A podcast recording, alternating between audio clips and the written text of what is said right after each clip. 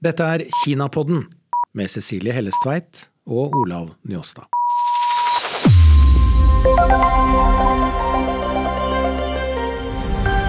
Gjest i denne episoden Knut Roald Sørli, tidligere Kina-direktør i Innovasjon Norge, i samtale med Cecilie Hellestveit. Velkommen, Knut Sørli. Du er tidligere Kina-direktør i Innovasjon Norge, og står nå på reisefot for å flytte til Kina. Eh, hva er grunnen til at du flytter til Kina, og hva håper du å utrette der? Ja, Det er riktig at jeg eh, var Kina-direktør i sju år og jobbet på den norske ambassaden i Beijing. Eh, og det var jo en veldig privilegert stilling, og vi fikk mye innsikt både når Norge var i fryseboksen og etter normaliseringen.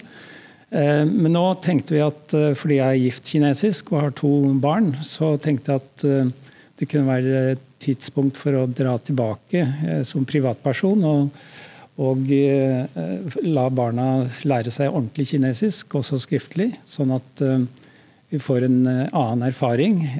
Og jeg tror det er lurt å veksle litt mellom Norge og, Kina.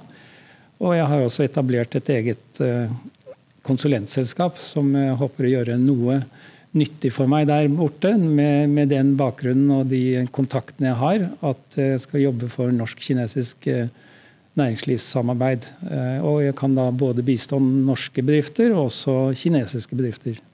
Så da har du tidligere hatt en mer formell eh, posisjon for norske myndigheter, mens nå skal du starte å jobbe mer eh, selvstendig og privat? Ja, eh, det blir nok ikke fulltid, men, eh, men, i hvert fall eh, sånn at det kan være noe interessant for meg når jeg er der borte i noen år. Hvordan, hvordan, er det å jobbe med kinesiske myndigheter og økonomi? Ja, Kina er jo veldig spesielt, og det er jo veldig mye sånn tunge myndighetsprosesser inn i bildet. Og staten har en veldig dominerende stilling i kinesisk eh, økonomi, men også selvfølgelig politikk. Eh, så det kommer ikke utenom inngangen til myndighetene. Så veldig mange av de inngangene vi brukte som da vi jobbet eh, altså Innovasjon Norge, eller da var vi ambassaden, det er jo å ha kontakt med lokale myndigheter eller provinsmyndigheter eh, etter normaliseringen. Dette var ikke mulig å ha under når Norge var i fryseboksen. Da måtte vi jobbe mer direkte overfor kinesiske bedrifter og kinesiske næringslivsorganisasjoner, bransjeforeninger. Det gikk greit.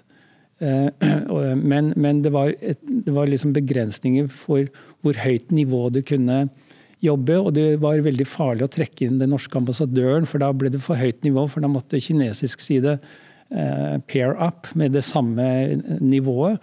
Og da ble det ofte nei, at det, det gikk ikke an. Så vi måtte holde seminarer og konferanser på mitt nivå, som var da commercial counselor. Og da gikk det greit. Så man lot på en måte de lavere funksjonærer i embetsverket gjøre, gjøre, jobben eh, uten at det ble for høy synlighet? Ja, ja, så det var viktig å finne den riktige balansen og legge seg på det riktige nivået i forhold til kontakter med kinesiske myndigheter. Og hvis ting blir for svært, så skulle de ha en gjennomsyn av dette ved f.eks. Vice Mayor eller noe sånt. og da så er Norge på agendaen. Nei, det, det går ikke. Så det var, det var, sånn på en måte sanksjonene mot Norge virket også mot næringslivet. Og jeg har jo selv blitt avinvitert på konferanser som jeg skulle delt og holde et innlegg. fordi da, da var det en høyere oppe nivå som på en måte gikk gjennom agendaen og så at Norge sto på agendaen her. Og det var ikke bra. Ok, Så det lå nærmest som en sånn Norge ærlig giftig inne i ja, systemet? Ja, vi var eh, svartelistet, kan du si. Eh, eh, offisielt. Eh, og det og da måtte vi på en måte legge oss på et arbeid og på et nivå som, eh, som, passet, eh, som passet seg, og ikke utfordret eh, den svartelistingen. Men det betyr at da kunne man gjøre ting, men på lavere nivå. Og hvis du skulle ha større avtaler, da må man jo vanligvis høyere opp, så det var utelukket? Det var helt utelukket. Mm. Og det gikk like godt å jobbe med eh, lokale myndigheter, for jeg var ikke helt klar over alltid at Norge var i svarteboksen. Eh, men, det var ikke men, alle som hadde fått instruksen? Ikke, er, men, men altså, vi måtte bare finne en, en, måte å arbeide på som fungerte. Og, vi syns, og erfaringen var at når vi i starten av da vi kom ned, vi skulle samarbeide med en kinesisk organisasjon, så gikk det helt bra inntil plutselig det høyere herre oppdaget at det var Norge de samarbeidet med, og da måtte de kansellere og trekke seg. Og Erfaringen ut fra det var at vi måtte gjennomføre eh, næringslivssesjonene eh, alene som arrangør, og ikke ha en kinesisk partner så lenge vi var i fryseboksen. Men etter normaliseringen i desember 2016 så ble jo alle dører åpne for Norge. Og da kunne vi ha relasjoner med, med både altså provinsmyndigheter og, og, statlige myndigheter eh, på, på lik linje med andre land.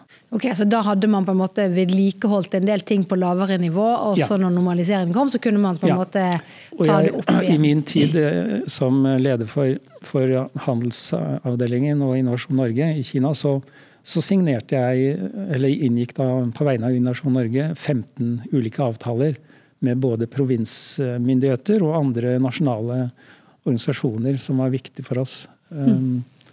Så, for å tilrettelegge for norsk næringsliv og for å få ja, utveksling med Ja, og, og, det gir en veldig fantastisk inngang til samarbeid med kinesiske næringsliv. Fordi at uh, da vet du at det er kinesiske myndigheter som har på en måte godkjent dette samarbeidet, og du har da en unik plattform å jobbe ut fra. Eh, F.eks. hvis du har avtale med provinsmyndigheter, som jo er nesten store stater. ikke sant? Det er jo snakk om land eller stater som har 100 millioner innbyggere, eller 70 eller 80 millioner. Så det er, det er en formidabel eh, økonomi, økonomi, vi snakker om. Ja, så Når vi snakker kinesisk provins, så ja. er vi på størrelse med Tyskland? Det er Tyskland, Frankrike, Storbritannia. Det er den type Ja. ja. Fordi det, det, forholdet mellom det offentlige, altså statlige myndigheter og private selskaper, og gjerne store selskaper, børsnoterte selskaper sågar, det, det er litt annerledes i Kina enn det vi er vant med fra vestlige land?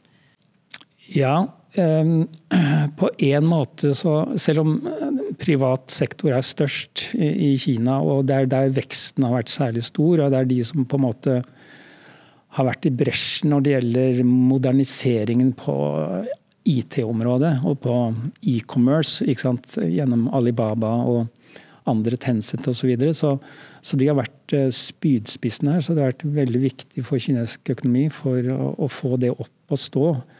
Og nå har de jo blitt så mektige ikke sant? at eh, da har myndighetene nylig grepet inn og prøver å liksom ta disse tech-selskapene fordi at de ble for etter myndighetenes oppfatning for enerådende og for, eh, for store. Så at de ville ha kontroll på dette eh, mye sterkere. Men på mange måter så har du egentlig ikke en ordentlig privat, uavhengig sektor i Kina. fordi at selv om de er private, så, de, så må de liksom følge alle retningslinjene fra myndighetene eh, på forskjellige områder. Og så har du en del selskaper eh, som jeg vet også vi har i oljefondet, hvor det er en relativt liten del av selskapet som er lagt ut for private aksjeeiere. En veldig stor andel som, måte, som, staten selv har kontroll over. Så de har på en måte majoritet og vels for det. Ja, det er det er en veldig dominerende statlig eh, økonomi og, og styring over økonomien. Men, men, du har eh, Og det er særlig innenfor tjenestesektoren hvor du har eh, veldig mye private bedrifter. Fordi de er jo også Flesteparten er sysselsatt i privat sektor i Kina. totalt sett, altså Hvis du tenker på alle restauranter, alle hoteller, alt mulig alt som har med tjenester å gjøre, logistikkselskaper osv. Um, men, men du har noen store konglomerater, og de er jo eh, statlige selskaper som er dominerende innenfor energi, infrastruktur. Eh, bank er det jo også tungt inne. men Hvordan er skattleggingen av de private selskapene, da, sammenlignet med en vestlig økonomi? Jeg er ikke noe ekspert på hvordan skattleggingen er, men, men de, de, de, betaler jo vanlig skatt av overskudd. Så de har jo en modell som ligner på vestlige land når det gjelder beskatning. og De jo, det var jo en stor reform som skjedde i Kina for 20 år siden, da de ble medlem av Verdens handelsorganisasjon. Eh, og da skulle det bli mer og mer regelstyrt og basert på avtaler og lover og regler for hvordan staten og byråkratiet kunne oppføre seg. Og at de ikke på en måte inviterte inn selskap A, men ikke selskap B. Sånn at uh, denne rule by law er jo blitt styrket uh, veldig i, i, Kina. Ja, fordi tanken med å, å, å ta opp Kina i uh, Verdens handelsorganisasjon var jo nettopp å gjøre den kinesiske økonomien mer lik andre ja. økonomier. Og, og, men hva er egentlig konklusjonene på det? Fordi det jeg hører, er jo at vi trodde at vi kunne reformere Kina, men det lot seg ikke gjøre. Hva, hva, hva mener man da? Nei, Kina mener jo vel alltid at um, de er så store at de trenger sin egen vei. Og de, de har jo sine politiske ambisjoner om å lage en en, en, sosialistisk markedsøkonomi med kinesiske særtrekk. ikke sant? Og, og de, de, har jo store ambisjoner i forhold til 2049, som er 100-årsjubileet for, for, republikken Kina. Eh, Folkerepublikken Kina. Hvor de skal bli et avansert industriland. Eh, og Derfor har de satt i gang store Eh, programmer og policyområder innenfor industrien for å modernisere industrien. Eh, du har dette Made in China som ble initiert eh, i 2015 av, av tidligere statsminister Li Keqiang. Som heter da Made in China 2025. Og, og det er jo med sikt på å oppgradere og få kinesiske sektorer, bransjer. Det var nevnt ti stykker som skulle bli avansert, og at de skulle være mindre avhengig av vestlig teknologi. De, skulle, de, har satt seg som mål å bli rik og ha høy velstand. De skal ikke være et utviklingsland, de skal være et uh, avansert industriland. Det er det som er ambisjonen. Og da må de, da må de på en måte gjøre litt det samme som eh, USA har gjort etter krigen. At de på en måte har bygget seg selv opp uh, og utviklet sin egen industri. Men de har, de har, jo kommet et stykke på vei. Eh, og, og, de skal jo både på en måte gjennom den industrielle revolusjonen, om du vil, og så skal de gjennom den høyteknologiske revolusjonen mm. som på en og samme tid. Ja, de hopper jo bukk over mange stadier. ikke sant? De har jo gått eh, de har jo ikke fasttelefoner, de, omtrent. De, de, hoppet jo rett til, eh, de rett til mobilteknologi. og nå nå, nå, er det vel eh, det fremste i verden når det gjelder mobilteknologi, og særlig knyttet opp mot betalingsløsninger, som er helt unike. Også, Mens amerikanerne sender 20 milliarder sjekker i 2022, så, så vet ikke kineserne hva en sjekk er. Nei, Fordi hva, hva slags betalingsløsninger er det de har? De har, de, de, de, har, de har, jo denne superappen som heter WeChat, som revolusjonerte Som nesten ikke eksisterte da jeg kom der nede i 2012. Eh, etablert i 2011. Og den fikk jo ble full rulle på den, og den, den kan jo gjøre alt mulig med. Eh, og også betalinger, eh, løsninger, sånn at du kan gå på butikken og betale med den med å vise mobilen og skanne en QR-kode. Så da er det veldig gjort, og det gjør også bestemor på markedet når hun kjøper grønnsaker. Så er det Altså Penetrasjonen gikk så veldig fort, så i løpet av de syv årene jeg var i Kina, så, utviklet, så gikk de fra å være en sånn cash-økonomi til å bli en mobilteknologiøkonomi. Og det har gått uh, utrolig uh, fort. Det er, en skikkelig revolusjon. Og det er klart, det, det, det endrer folks vaner. Um, og, men er, de har modernisert seg på så mange områder. F.eks. lyntogene, som de ikke hadde før 2008. Eh, olympiaden. Den første var jo mellom Beijing og Shanghai. Og nå har de jo 35 000 km med lyntog. Nord, sør, øst, vest. Og, og, det er jo helt fantastisk. Det går over 300 km i timen. Bygges på påler 15 meter over bakken. Eh, går rett frem.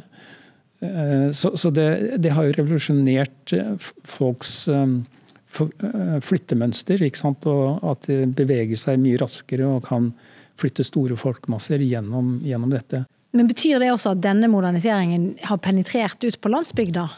Ja, er, De holder jo på å utvikle de vestlige områdene i, i, Kina, men de er jo eh, mer på landet. ikke sant? Men det er jo først og fremst den store, voldsomme urbaniseringen eh, i østlige deler av Kina som, som har vært eh, kolossal veldig raskt. Og det bygger jo byer hver eneste dag. ikke sant? Og, har du noen tall på den ja, altså de, urbaniseringen? Sist var der, så, så snakker man jo om at 20 eh, millioner hvert år kinesere flytter inn i byer. Altså Det er jo Nederland pluss Norge ja. hvert år. Og, Eller Norge ganger fire. Ja. ja. fem. Men eh, Så urbaniseringsprosessen er ikke stoppet opp. Selv om tilflytningen til disse eh, megabyene som, som, Beijing og Shanghai, Shenzhen, Tianjin, eh, de, de, på en måte tror jeg ikke vokser noe særlig mer, og det er heller ikke ønskelig. Men disse second tier og third tier city, som de kaller det, de vokser jo ennå Så Det er jo betydelig urbaniseringspotensial å ta ut i Kina fortsatt, fordi at den er, graden er på ca. 60% av kineserne bor i byer. I Norge og OECD-landene så er jo 70-80% som bor i byer. Så det er faktisk en lang vei å gå fortsatt eh, med urbaniseringen, som er en veldig stor prosess. ikke sant? For det har jo med hele utviklingen av eiendomsmarkedet og bygge bygninger og en del av drivkraften også i vekstøkonomien i innenlands. Men eh, fordi den form for modernisering og urbanisering som, som, Kina har vært gjennom, den forutsetter jo en relativt sånn grei kurve med vekst i økonomien. Og kinesisk økonomi har vokst veldig kraftig i veldig mange år, men nå flater det jo ut. Og jeg ser at Verdensbanken sine estimater for 2022, der går Kina ned for første gang siden 1990 og ligger ganske langt bak, egentlig, sine asiatiske naboer, som jo også har hatt pandemi og som har litt av de samme utfordringene. Hva er egentlig situasjonen med den kinesiske økonomien? Nei, Jeg tror det er bra at den kinesiske økonomien vokser saktere. fordi at eh, de nå snakker de om at altså det er unaturlig at de skal ha 10% vekst i gjennomsnitt. De hadde det i 30 år, ikke sant? og på et tidspunkt så vil det bøye ned. For på et tidspunkt så uh, har de også sagt at nå skal de ha kvalitet i veksten. De skal, stille, du skal, du skal ikke bare kjøre etter ensidig BNP-vekst, økonomi, økonomisk vekst for alle penga. De skal på en måte inkorporere også andre aspekter av det. Det skal være høykvalitetsprodukter. Det skal være miljøhensyn, det skal være klimahensyn. Så alle disse kommer i tillegg. Så, så det betyr jo at veksten, selv om den da altså før pandemien var nede i 6% 6,5% så er likevel de 6,5% like mye som 12% var for 20 år siden. Fordi at er, kaken er blitt så mye større. Så de vokste jo med et Australia per år før pandemien. Så det er ganske store tall. sånn at Eh, nå har, har, jo myndighetene satt seg målet om at de skal vokse med 5,5 selv om det var vel første gang de ikke har satt et eksplisitt mål, men at de antok at den var rundt 5,5% Og de vil ikke klare det etter pandemien. Eh, så de siste tallene var vel for siste kvartalet som ble nylig langs, ut, offentliggjort denne uken, var vel 3,9 og, og med forrige kvartal var 0,4, så det ligger jo langt under vekstmålet, så det vil de ikke klare. Og litt, litt, lavere da hos Verdensbanken. Er de kinesiske ja. tallene de samme som de som internasjonale institusjoner og aktører opererer med? Det er jo ulike anslag, og, og jeg vet jo at kinesiske myndigheter har jobbet målbevisst for å kvalitetssikre tallene sine bedre. For det er jo De rapporterer jo fra provinsene, ikke sant? provinsmyndigheter. Så det er Det har jo vært en del feilkilder knyttet til det, men, det, men, men du har ikke noe bedre og, og mer, bedre tallmateriale enn det de har i det nasjonale statistikkmiljøet i, i Kina. Da. Nei, fordi det er jo en sånn uh, The demand for bad numbers creates ja, ja. The, ja, the, supply, på en måte. Mm. Hvordan, hvordan, stå, hvordan, påvirker um, utfordringen med et statsstyrt system da får du ofte en del korrupsjon. Dette var jo noe av det som skjedde i tidligere østblokkland. Mm. Eh, var veldig, veldig herjet av korrupsjon. Og det har jo også Kina strittet med. Men de har hatt en ganske sånn offensiv kampanje for å bekjempe korrupsjon. Mm. Hvor, nå tror jeg de ligger på nummer 66 hos Transparency mm. eh, International. Og det er jo langt ned til de nederste på liksom 165. Men, men eh, hvordan har eh, kineserne forsøkt å bekjempe korrupsjon, og lar det seg gjøre i et land hvor du ikke har på en måte kanskje en, en rettsstat eller en maktfordelingsprinsipp, da, eh, med den samme grad av uavhengighet eh, hos de ulike statsmaktene som det du har i Kina? Hvordan, hvordan, bekjemper man korrupsjon i et land som Kina, er egentlig ja, mitt spørsmål. Ja, ja, nei, det, det, er de stor, det, er en stor oppgave. Altså, de, de, har tatt mye av det, fordi det var et av Xi Jinpings uh, valgkamptemaer da han ble valgt i, eller utpekt som leder i 2012, at han startet med en antikorrupsjonskampanje for at han så at partiet på en måte har smuldret litt bort gjennom eh, de første eh, årene etter år 2000.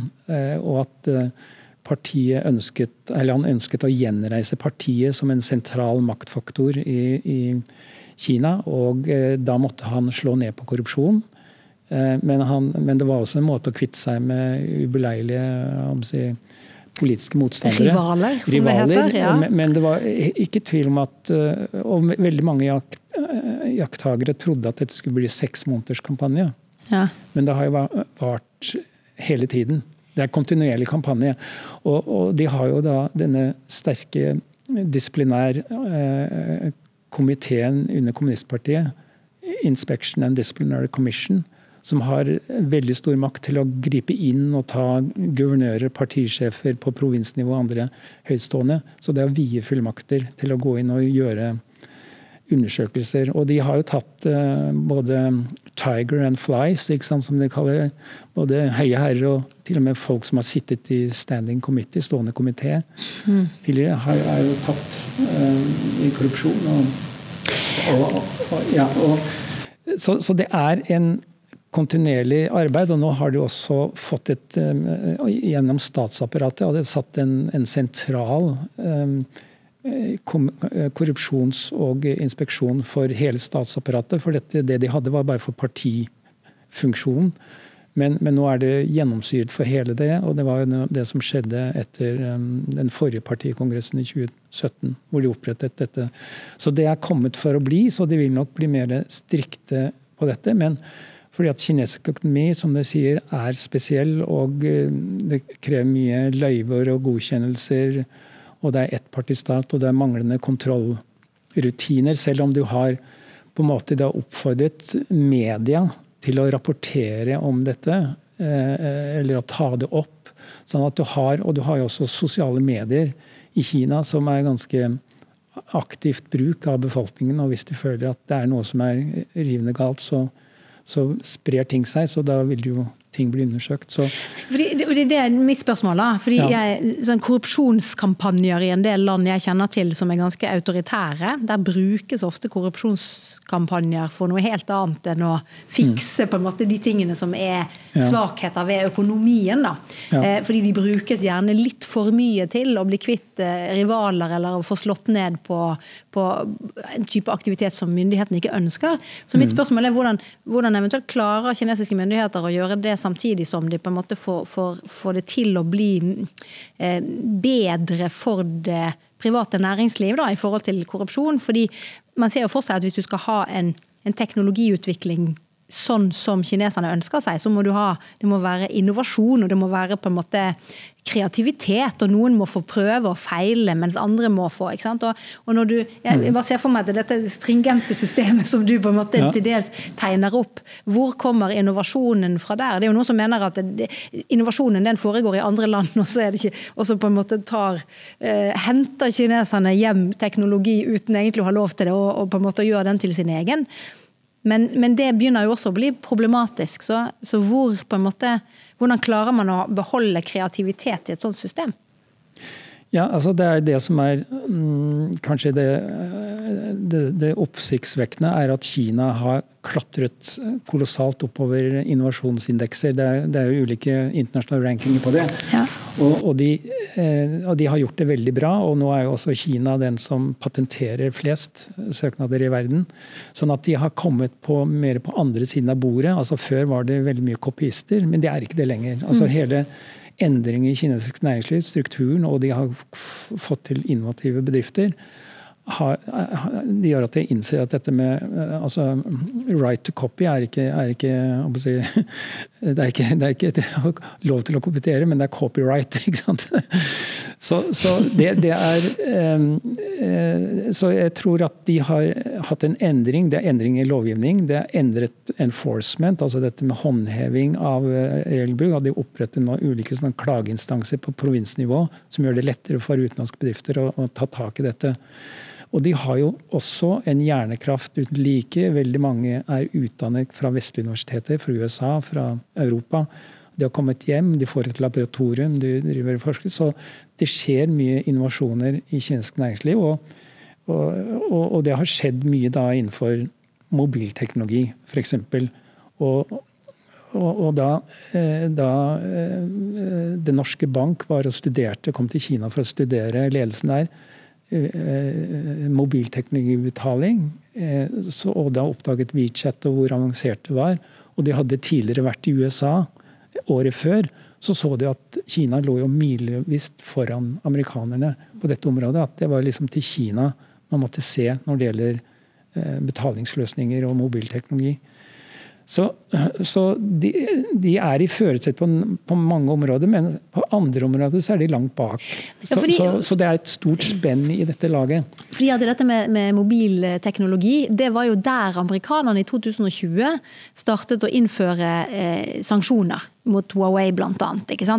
Veldig sånn spesifikt rettet mot det som i utgangspunktet da er amerikansk patentert teknologi, men som amerikanerne da eh, kan hindre blir kjøpt eller solgt videre sågar. Hvis det produseres i Europa f.eks., så kan det likevel ikke selges til Kina.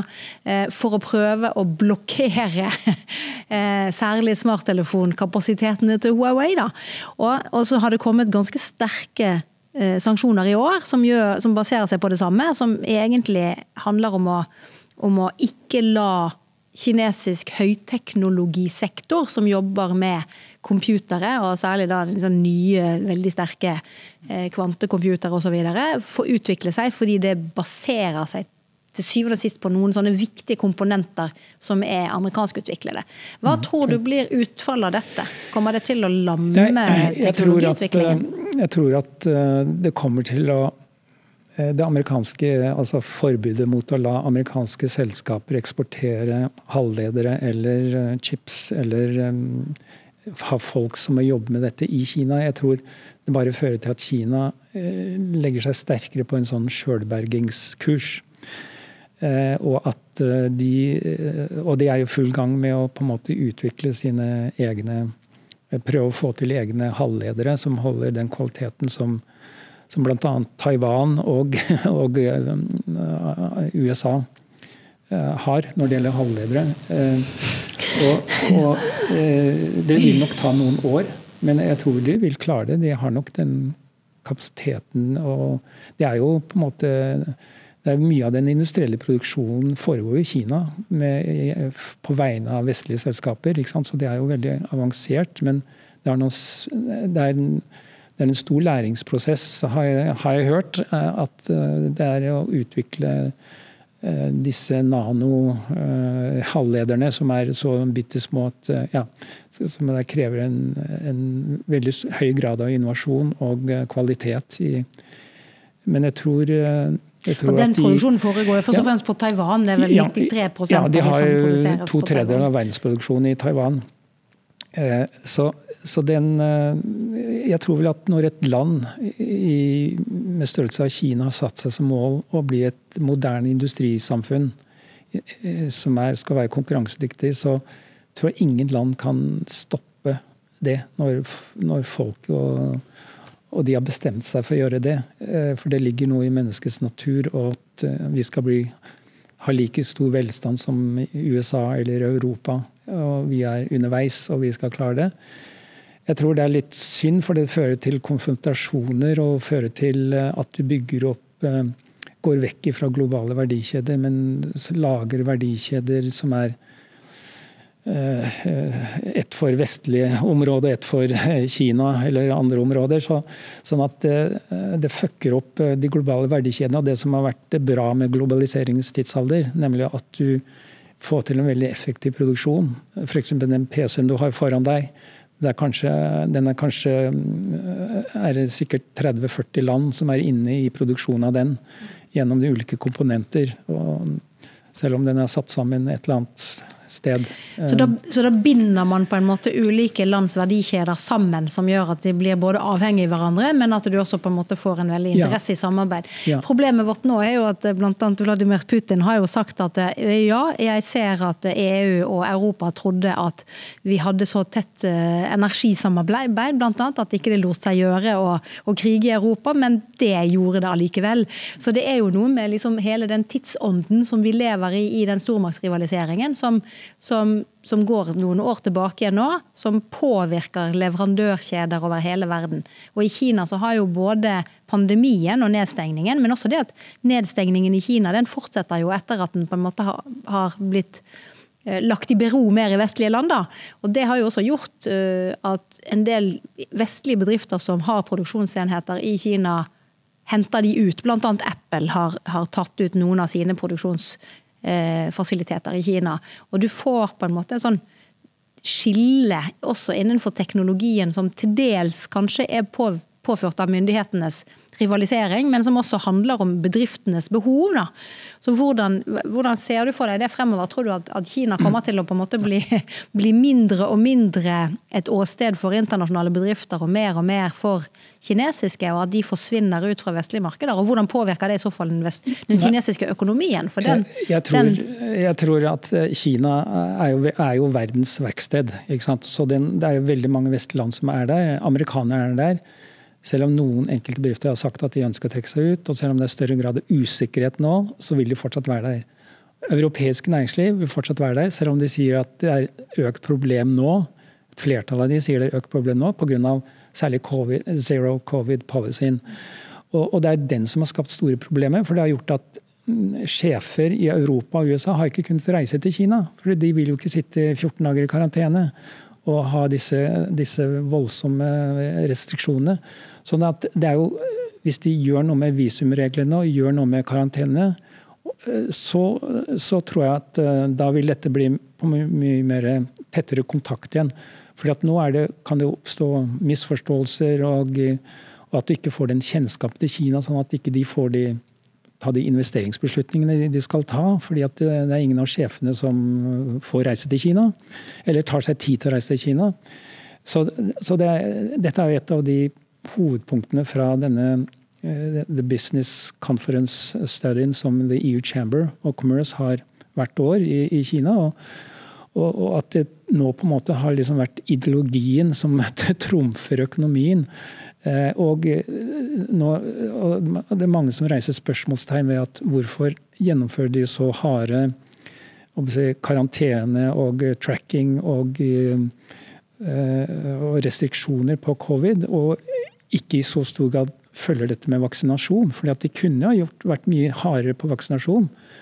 Selv om det er 91% av mainland China er jo vaksinert, eh, ifølge statistikken. Men eh, kanskje de ikke har helt tiltro til at uh, altså alle har vaksinert seg fullt ut. Og særlig en stor del av de eldre befolkningen er ikke godt nok vaksinert. Så de er redd for at sykehusene bryter sammen, og at du får hvis Kina skulle ha ført den samme covid-politikken som USA, så hadde Kina hatt ti millioner døde. USA hadde over én million døde. ikke sant? Og det hadde ikke vært akseptert. Eh, og det hadde vært et skudd i baugen, i hvert fall for Xi Jinping, som har vært i førersetet for eh, zero covid-politikken. Men Så du ser egentlig på det som en sånn naturlig fortsettelse av måten man har til, tilnærmet seg pandemien fra ja, fordi dag én? Den virket jo i to år, ser mm. den strenge politikken og lockdown og sånn, men nå ser du at den har store skadevirkninger i økonomien. Og de får veldig mye rapporter fra lokale myndigheter, provinsmyndigheter og andre, som sier at alle den lockdownen, og det plutselig så finner fire eksempler i en storby på fem millioner, så, så tar de lockdown hele byen i 14 dager. Sånn at eh, det går ikke an å, å, kjøre en økonomi på den måten. og Det skaper altfor stor grad av usikkerhet. og Det er mange som taper penger. Og, mange, og ledigheten øker jo, særlig blant de yngre befolkningen i Kina. Ja, På et tidspunkt så begynner folk å lure på hvorfor skal ja. vi ha lockdown ja, ikke og ikke resten av verden har det. På mange måter så er omikron den er jo mer ufarlig, og det er som på en måte å kjempe mot vinden. ikke sant? Du kan ikke kjempe mot vinden, vinden er der. så Du må akseptere, sånn som vestlige land har gjort at, det, at, man blir syk. og Er du syk, så må du være hjemme. Du må ikke på sykehus for å bli syk. For i Kina er prinsippet at er du syk av covid, så må du på sykehus. Og det har de ikke kapasitet til. Så det er nok en frykt for at sykehuskollaps og har rammet stor grad av eldre, og at du ville ha fått veldig mange dødsfall, som gjør at de holdt lenge på den zero covid-policyen. Men jeg tror at de er nødt for, er tvunget til å myke den opp. Og, men de har ikke hatt en god exit-strategi for det. Og, og det er den, den, eh, som mange trodde skulle komme etter partikongressen, og kanskje etter når eh, ny regjering og president blir formelt innsatt i mars neste år. Eh, Europa, altså EU, har jo mm. hatt et litt sånn schizofrent forhold egentlig til, til, til Kina. og har I fjor så importerte EU vel for 400 milliarder euro fra Kina, og omtrent halvparten ble eksportert til Kina, så det er en sånn handelsunderskudd der. Og så har man ønsket å få en handelsavtale som vel var ferdig forhandlet, og så ble det snakk om at nei, den skulle man ikke ratifisere, og så er den lagt på is. Eh, og så har EU på en måte en sånn tredeling i forhold til hvordan de forholder seg til Kina som partner, som konkurrent og som systemisk rival.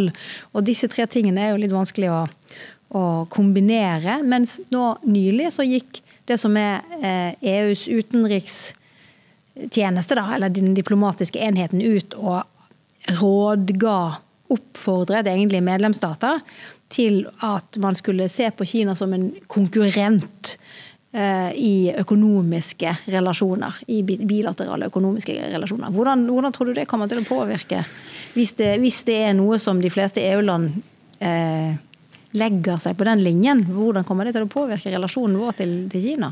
Uh, Og ikke minst Kinas relasjon til oss, da, eller til EU? Ja, altså Eh, Kina, har, Kina har alltid vært en konkurrent til, eh, til Europa, selv om de har, de har, vært litt komplementære. og Særlig i forhold til Norge, hvor eh, Kina kunne forsyne Norge med billige varer. Og vi kunne eksportere dyrt i verden fordi at Kina presset prisen opp. Så vi tjente veldig på det. Så det er en arbeidsdeling også. Men, men i økende grad så vil man jo være litt konkurrenter fordi at Kina skal bli like moderne som andre europeiske kjerneland. Eh, eh, så, så, og det bør være helt akseptabelt at det er sunt med en konkurranse. Hvem som lager de beste produktene eller beste tjenestene. Eh, og at det er minst mulig handelshindringer i, i det. Men da, da, må man også la Verdens handelsorganisasjon få virke, og at nå er jo den på en måte litt paralysert pga.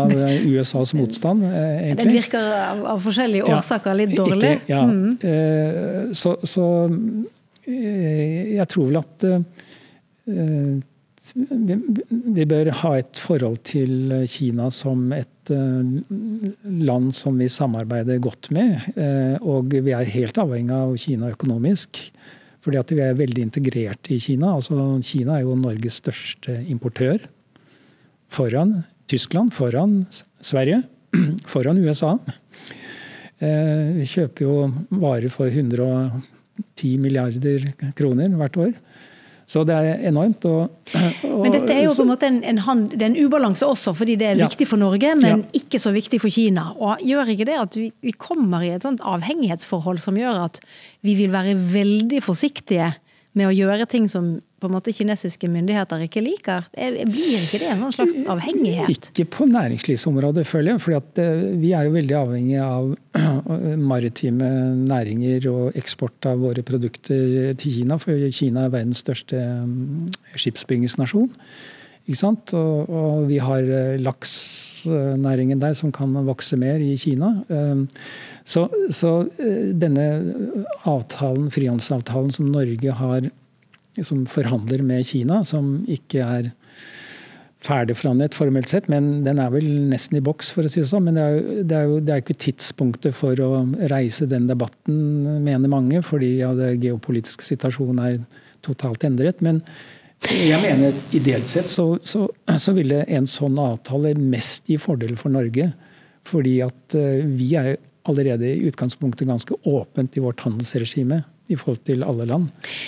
Sånn, sånn, at eh, det er vi som ville tjent mest på det i forhold til eh, bedre markedsadgang for norske varer. Men nå skal jeg spørre deg et litt vanskelig spørsmål. fordi eh, Når man tenker økonomi, så er det åpenbart at mm. dette er gunstig for Norge. Ja. Men, men, så er spørsmålet eh, den avhengigheten som Norge da får politisk, er det ikke den man nå er bekymret for? Fordi at man er redd for en situasjon hvor for mange norske næringsinteresser skal være avhengig av kinesiske myndigheters gunst, og at hvis norske myndigheter politisk eller militært eller på andre måter gjør ting som kineserne ikke liker, så blir vi på en måte presset på måter som norske politikere egentlig ikke kan fikse, fordi det er arbeidsplasser i deres egne fylker på en måte som da står på spill.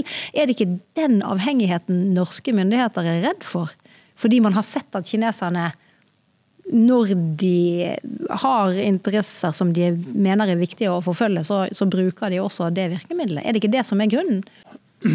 Ja, jo, er, det er sikkert det som er uh, grunnen blant mange politikere kanskje i Norge. Men uh, jeg, jeg syns ikke det bør være avgjørende, fordi at uh, altså, Norsk næringsliv vil sikkert lete etter andre områder for sourcing, f.eks. For, for, for å hente ressurser, for å gjøre delproduksjon i Kina eller andre. Men, men det, kom, du, kommer ikke unna at Kina er liksom verdens beste sted å drive industriproduksjon på. Sånn at, eh, og de eh, også lager produkter som både norske bedrifter og norsk befolkning elsker å kjøpe. Det viser jo statistikken. Sånn at, eh, men er det ikke en sånn til hvilken pris? Jo, men, med altså, det, For å ta politiske spørsmål i Kina, så har jo Norge en egen kanal. Og det har jo laget et stort nummer av det, at de har en egen kanal. Og det er da UD som har den kanalen. Mm. Og det kan man gjøre. Så jeg er ikke, jeg er ikke redd for en, at en frihandelsavtale vil føre til en økonomisk integrasjon med Kina som er, som er eh, skadelig. Tvert imot er dette en, en fordel, mest fordel for norsk næringsliv. Som bedrer markedsposisjoner i Kina, på kinesisk marked, som gjør at vi kan eksportere mer til Kina. Og jeg tror det er marginalt hva Kina kan Eh, eksportere mer til Norge. Men bare ett spørsmål til på denne. Jeg slipper ikke dette med geopolitikken så lett. Nei. fordi Norge har jo en økonomisk avtale med EU. Ja. Ikke, vi er jo ikke en del av unionen, men vi har en økonomisk avtale eh, som binder oss ganske sånn tungt til Brussel, egentlig. Og hvis mm. vi får en avtale med, med, Kina hvor vi på en måte også blir ganske avhengig av kinesiske eh, myndigheters godvilje, da, risikerer vi på en måte ikke å komme i skvis? Det, er, det er, jo mange EU-land som har ulike relasjoner til Kina også. Men de er EU-land. og Hvis det, er, noe som skjer som med Litauen ja, nå, for eksempel, ja, ja, som gjør noe som kinesiske myndigheter ikke liker, og så blir de kastet i fryseboksen, men da bruser jo Brussel med fjærene. Mm. Det kommer jo ikke Brussel til å gjøre hvis, hvis, det er Oslo, for vi er jo ikke medlem. Nei, vi er ikke medlem. Vi er veldig tett integrert, og det er veldig bra at vi er det. Eh, og eh, men ikke beskyttet på denne måten her?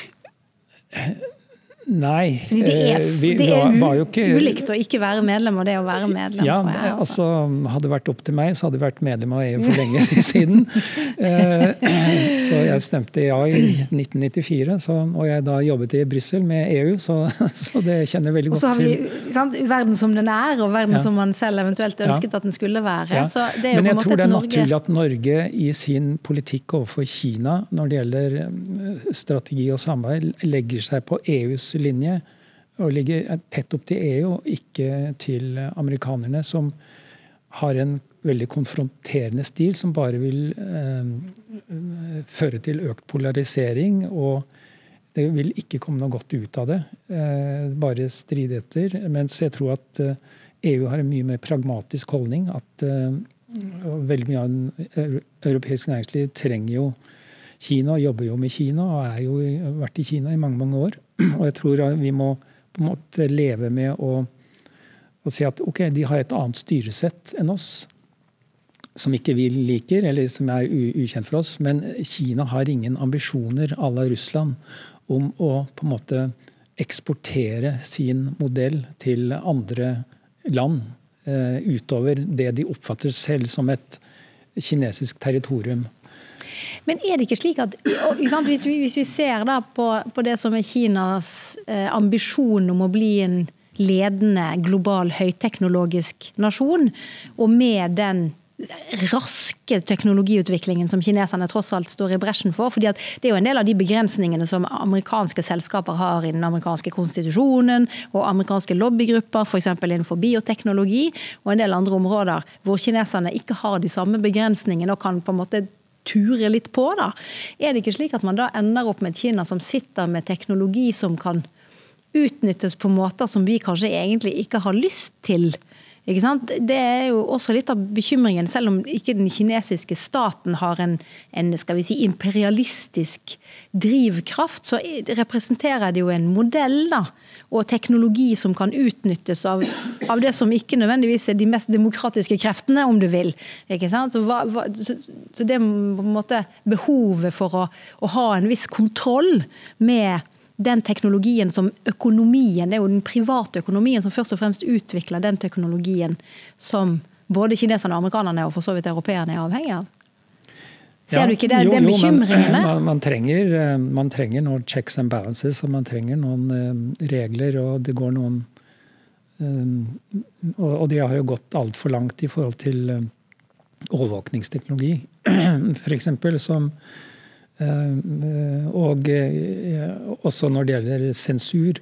Jeg, jeg eh, har aldri skjønt helt begrunnelsen for hvorfor de trenger så sterk sensur. Fordi at Kina jo, må jo nå være såpass robust som land at de tåler at noen leser internasjonale websider. Og at vi kan se på sport på NRK fra Kina, som vi ikke kan nå. Hvis vi ikke har en VPN-løsning? Nei, det er jo også noe som understreker at Kina er et annet land enn eh, ja. en de landene som er våre nærmeste naboer, i hvert fall. Så det er jo en forskjell her. Det er en, det er en forskjell, eh, men det som ligger i Kinas natur, er på mange måter å være eh, De er kommersielle aktør. Altså de er Østens handelsmenn, for å si det sånn. Og det er det som er deres uh, gener, hvor de er veldig flinke til å drive business. Uh, og de ønsker å drive business, og de har all ønske om å ha en, altså at verden er fredfull, for de liker ikke konflikter. ikke sant? Og de, de vil på en måte, de føler seg ubekvemme når det er konflikter. Men, men, er, ja, men, er, vi nå i en æra hvor på en måte statsapparatene har tatt litt mer kontroll igjen? Og hvor til og med kinesiske myndigheter ser på behovet for å være mer fremoverlent og, og konfrontatorisk. Fordi det er det som på en måte gjelder for statsapparatene. For jeg er helt jeg også ser på dette med økonomien som noe som i utgangspunktet er eh, løsrevet fra dette politiske spillet, mens nå brukes økonomien mer og mer som et politisk verktøy og det er også altså privat, de private selskapene som produserer den teknologien som man etter hvert bruker til militære funksjoner. Og Det mm. gjør at det der med det politiske og det økonomiske, det sivile og det militære begynner på en måte å, å mm. sy sammen på en måte som er ganske krevende for økonomien. da. Mm. Nei, men eh, jeg, jeg tror at uh, Altså jeg vet at Kina og kinesisk befolkning aksepterer mye større grad av overvåkning og monitorering enn det vi gjør i vestlige land. Eh, men på et tidspunkt altså Det går noen grenser her, skulle jeg tro. Eh, og også med fremveksten av en sterkere middelklasse i Kina, du, eh, som er nå vel mye større enn det USA er samlet sett i befolkning, så vil de på en måte ha noen andre preferanser i forhold til hvor langt skal dette gå. Altså, I Beijing så er nesten alle gater har jo kamera, så det er nesten umulig å gå i Beijing uten å ikke bli fanget opp på kamera på et eller annet vis. Og du vil alltid klare å tracke deg. Samme med, med Shanghai i stor grad, og, og de store byene. Men det er, ikke, det er, ikke, like godt utover landet, for Kina er et stort rike. Men, men det er jo etter vestlig Vår oppfatning har jo dette gått for langt. Men er det fordi er det fordi de har også en zero criminal policy? eller, eller, at de ikke aksepterer kriminalitet, eller at de på en måte vil ha den muligheten til å titte inn og se hvis noen har gjort noe galt, så har de full oversikt og kan tracke og finne det med en gang. Mens vi har ikke den muligheten, for vi vektlegger i større grad av personlig frihet og um, privacy. Med den omkostningen det Med også den omkostningen har. det har. Mm. Ja. Så du ser også litt sånn på dette som to veldig ulike systemer, rett og slett? Det er to ulike systemer, men altså, du kan ikke sammenligne Kina med Russland. Det er to helt forskjellige verdener. Også, altså, det er forskjellige typer av korrupsjon også i de landene. Jeg oppfatter at politiet i Kina er veldig rent og hyggelig. De, de vil ikke stanse deg på gaten. Du har kjørt på rødt lys, som, kan, som jeg har hørt historier om i, i, i Russland f.eks. For, for å ta inn penger fra folk. Men, men jeg, jeg, tror det er liksom en helt annen eh, cleanness i, i det lavere sjiktet og store deler av samfunnet. Men, men det er klart på toppene hvordan de samler fordeler for seg selv, eh, har jo vært Det har man jo ikke fullt innsyn i. Og, der, og, det er jo, Kina har jo fortsatt et korrupsjonsproblem, og det ser vi også av statistikken. På, og ser også hvorfor det er en, er en kampanje som myndighetene har. Så de vil jo slå ned på det. Selv om det er en guvernør eller en partisjef i en provins, eller det er ministre, eller det er i militæret, så vil de gjøre det. Kan jeg få lov å spørre deg om én siste ting? Ja. Eh, en prediksjon om kinesisk økonomi. Det er veldig vanskelig i disse tider. Men hvor tror du kinesisk økonomi er om i, 2030? Om åtte år? Jeg, jeg, tror faktisk de vil klare å bli verdens største økonomi i BNP. Men det betyr ikke mm, at de er verdens største økonomi, betyr ikke nødvendigvis at de er den mest kompetitive, den mest konkurransedyktige økonomien. Eh, men det betyr i hvert fall at de i volum vil være størst. Jeg tror at eh, jeg tror ikke demografiutviklingen, selv om du skal få en veldig skarp nedgang i befolkningen i Kina i år 2100, at det vil jeg tror ikke det vil skje så raskt at de ikke klarer å nå målet sitt om å bli verdens største økonomi, selv om de kanskje har nedtonet det målet. Eh, så, så, det tror jeg. I 2030. Vil Kina være verdens største økonomi? Jeg tror det. De, er, eh, de vokser så fort og kaken blir så stor, selv om de får 4% vekst. Og du tror at eh, kjeppene som stikkes i de kinesiske hjulene, de kommer ikke til å være nok til å stanse det?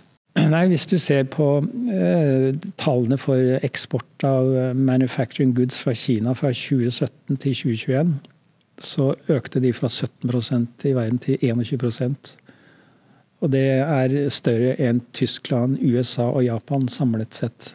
Så de har tatt markedsandeler i den siste femårsperioden. Det er et godt argument for å underbygge din tese. Ja. Tusen takk skal du ha eh, for at du kom. Dette var veldig lærerikt. Ja, okay. Takk skal du ha. Ok, hjertelig.